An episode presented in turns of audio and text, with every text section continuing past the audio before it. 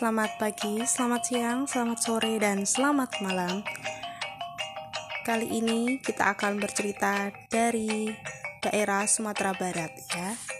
Tentunya di Sumatera Barat ada yang namanya Minangkabau.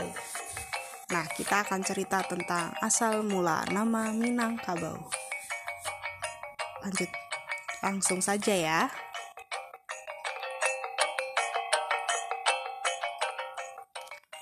Dahulu di Sumatera Barat tersebutlah di sebuah kerajaan bernama Kerajaan Pagaruyung.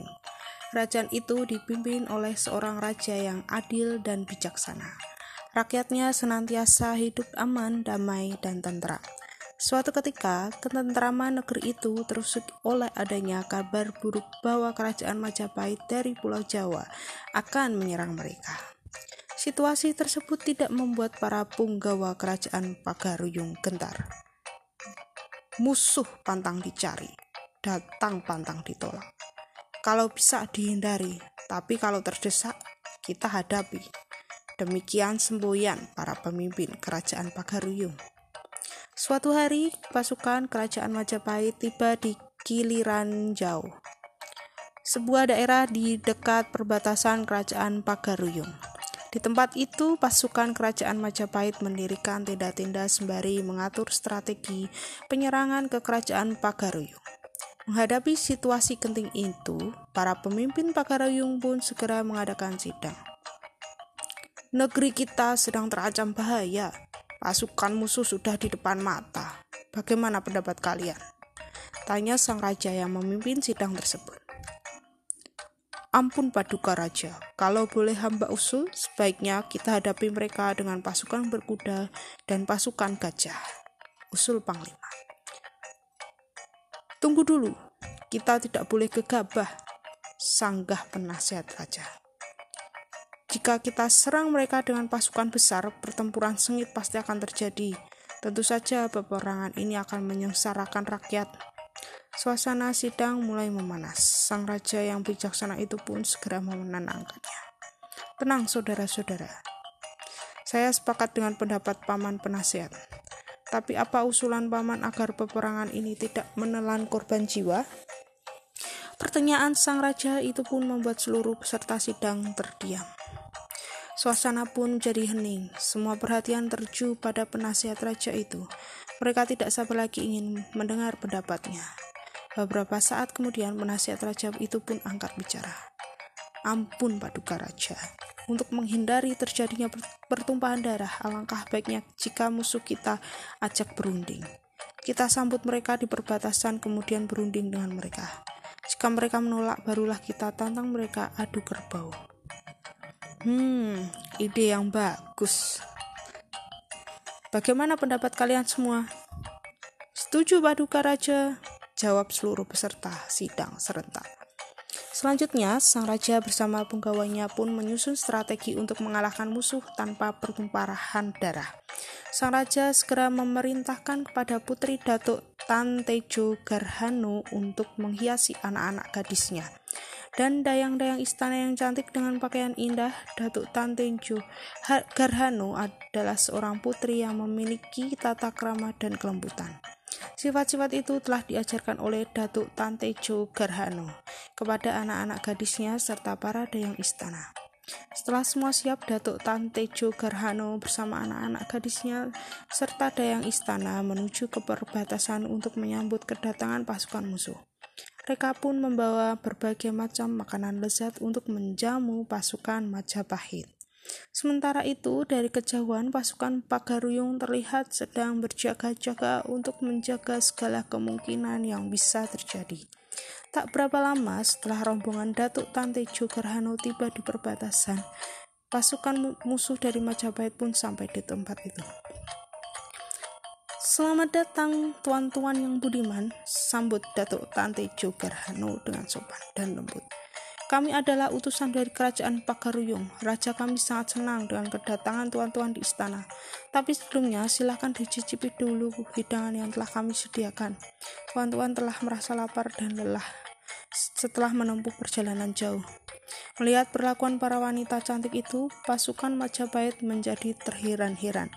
Mereka sebelumnya mengira bahwa kedatangan mereka akan disambut oleh pasukan bersenjata. Namun di luar dugaan ternyata mereka disambut oleh puluhan wanita cantik yang membawa makanan yang lezat. Pasukan Majapahit pun mulai goyah untuk melancarkan serangan sehingga akhirnya menerima tawaran itu. Setelah pasukan Majapahit sel selesai menikmati hidangan dan beristirahat sejenak, Datuk Tantejo Garhanu segera mengajak pemimpin mereka ke istana untuk menemui sang raja. Mari tuan, raja kami sedang menunggu tuan di istana, bujuk Datuk Tantejo dengan santun. Baiklah, saya akan segera menemui raja kalian. Jawab pemimpin Majapahit tersebut. Setiba di istana, Datuk Tanjejo Gerhano langsung mengantar pemimpin pasukan itu masuk ke ruang sidang.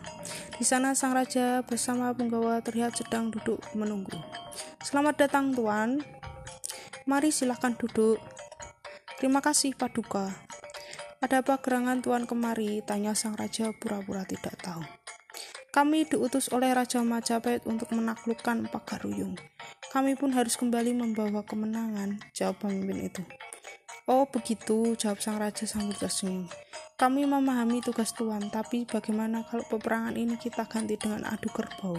Tujuannya adalah untuk menghindari pertumpahan darah di antara pasukan kita. Pemimpin pasukan Majapahit itu terdiam setelah berpikir sejenak. Akhirnya ia pun menyetujui usulan sang raja. Baiklah Paduka Raja, kami menerima tawaran Paduka, jawab pemimpin itu.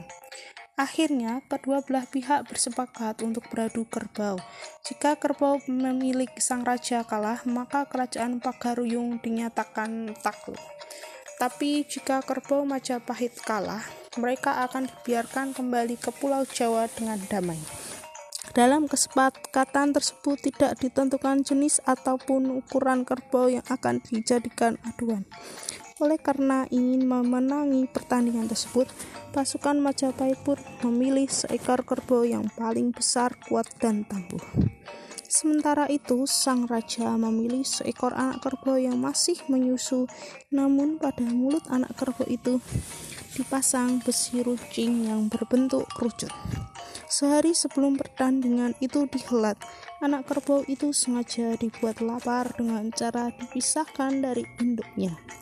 Keesokan harinya, kedua kerbau aduan segera dibawa ke gelanggang di sebuah padang yang luas.